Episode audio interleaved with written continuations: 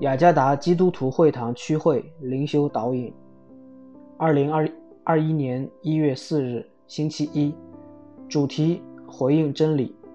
经文：约翰福音八章十三节到第二十节。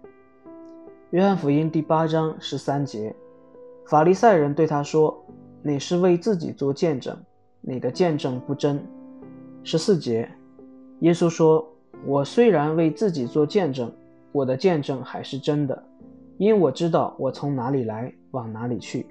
你们却不知道我从哪里来，往哪里去。十五节，你们是以外貌判断人，我却不判断人。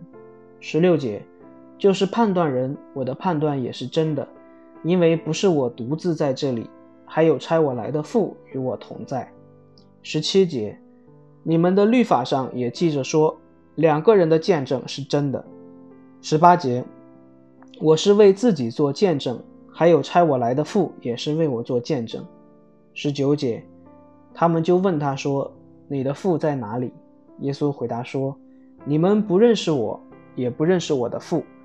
若是认识我，也就认识我的父。”二十节，这些话是耶稣在店里的库房教训人时所说的，也没有人拿他，因为他的时候还没有到。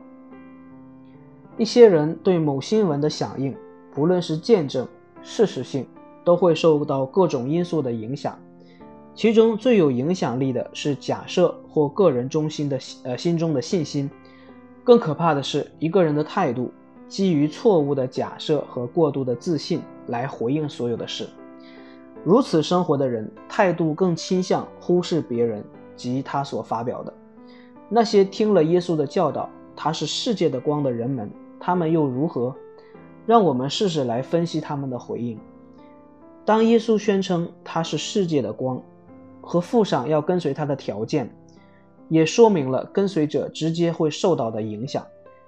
他们有怎样的反应？他们的假设和他们所信的是什么？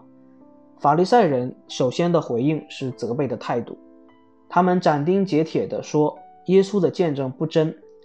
换句话说，他们拒绝耶稣所谓的真理。这错误的回应是因为论断，认为要有两个证人才算合法化。耶稣的见证并没有达到律法的准则。耶稣对他们的反应是坚决肯定他的见证是真的。耶稣的理由是他知道他是谁和他来到世上的目的，连他判断人也是真的，因天父和他同在。耶稣为自己。和与他在一起的天赋做见证。依照耶稣的看法，他们是错的，因他们是以外貌判断人。最主要的原因是他们不认识基督或者是天赋，在未认识上帝之前提下啊，造成他们没有假设和正确的信心，连形式和回应都不对。因此，耶稣的所有见证是合法性，而法利赛人却认为不合法，认为是错误而拒绝。耶稣的身份和作为是正确的，然而宗教领袖在现实回应却认为他是错误的，因此他们拒绝耶稣和他的见证。我们的生活又如何？我们是否以学习正确的来回应耶稣的真理？我们可以即刻学习更认识基督。我们赶紧的处理错误生活的态度和假设。要敞开有学习、谦卑和愿被上帝真理圣言受教的心。除此之外，我们要学习更认识上帝，借着圣灵的带领，与他有更深切的互动。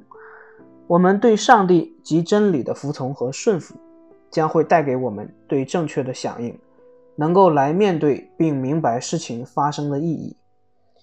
在上帝面前的服从和顺服他真理的圣言。乃是一位基督门徒信心的回应。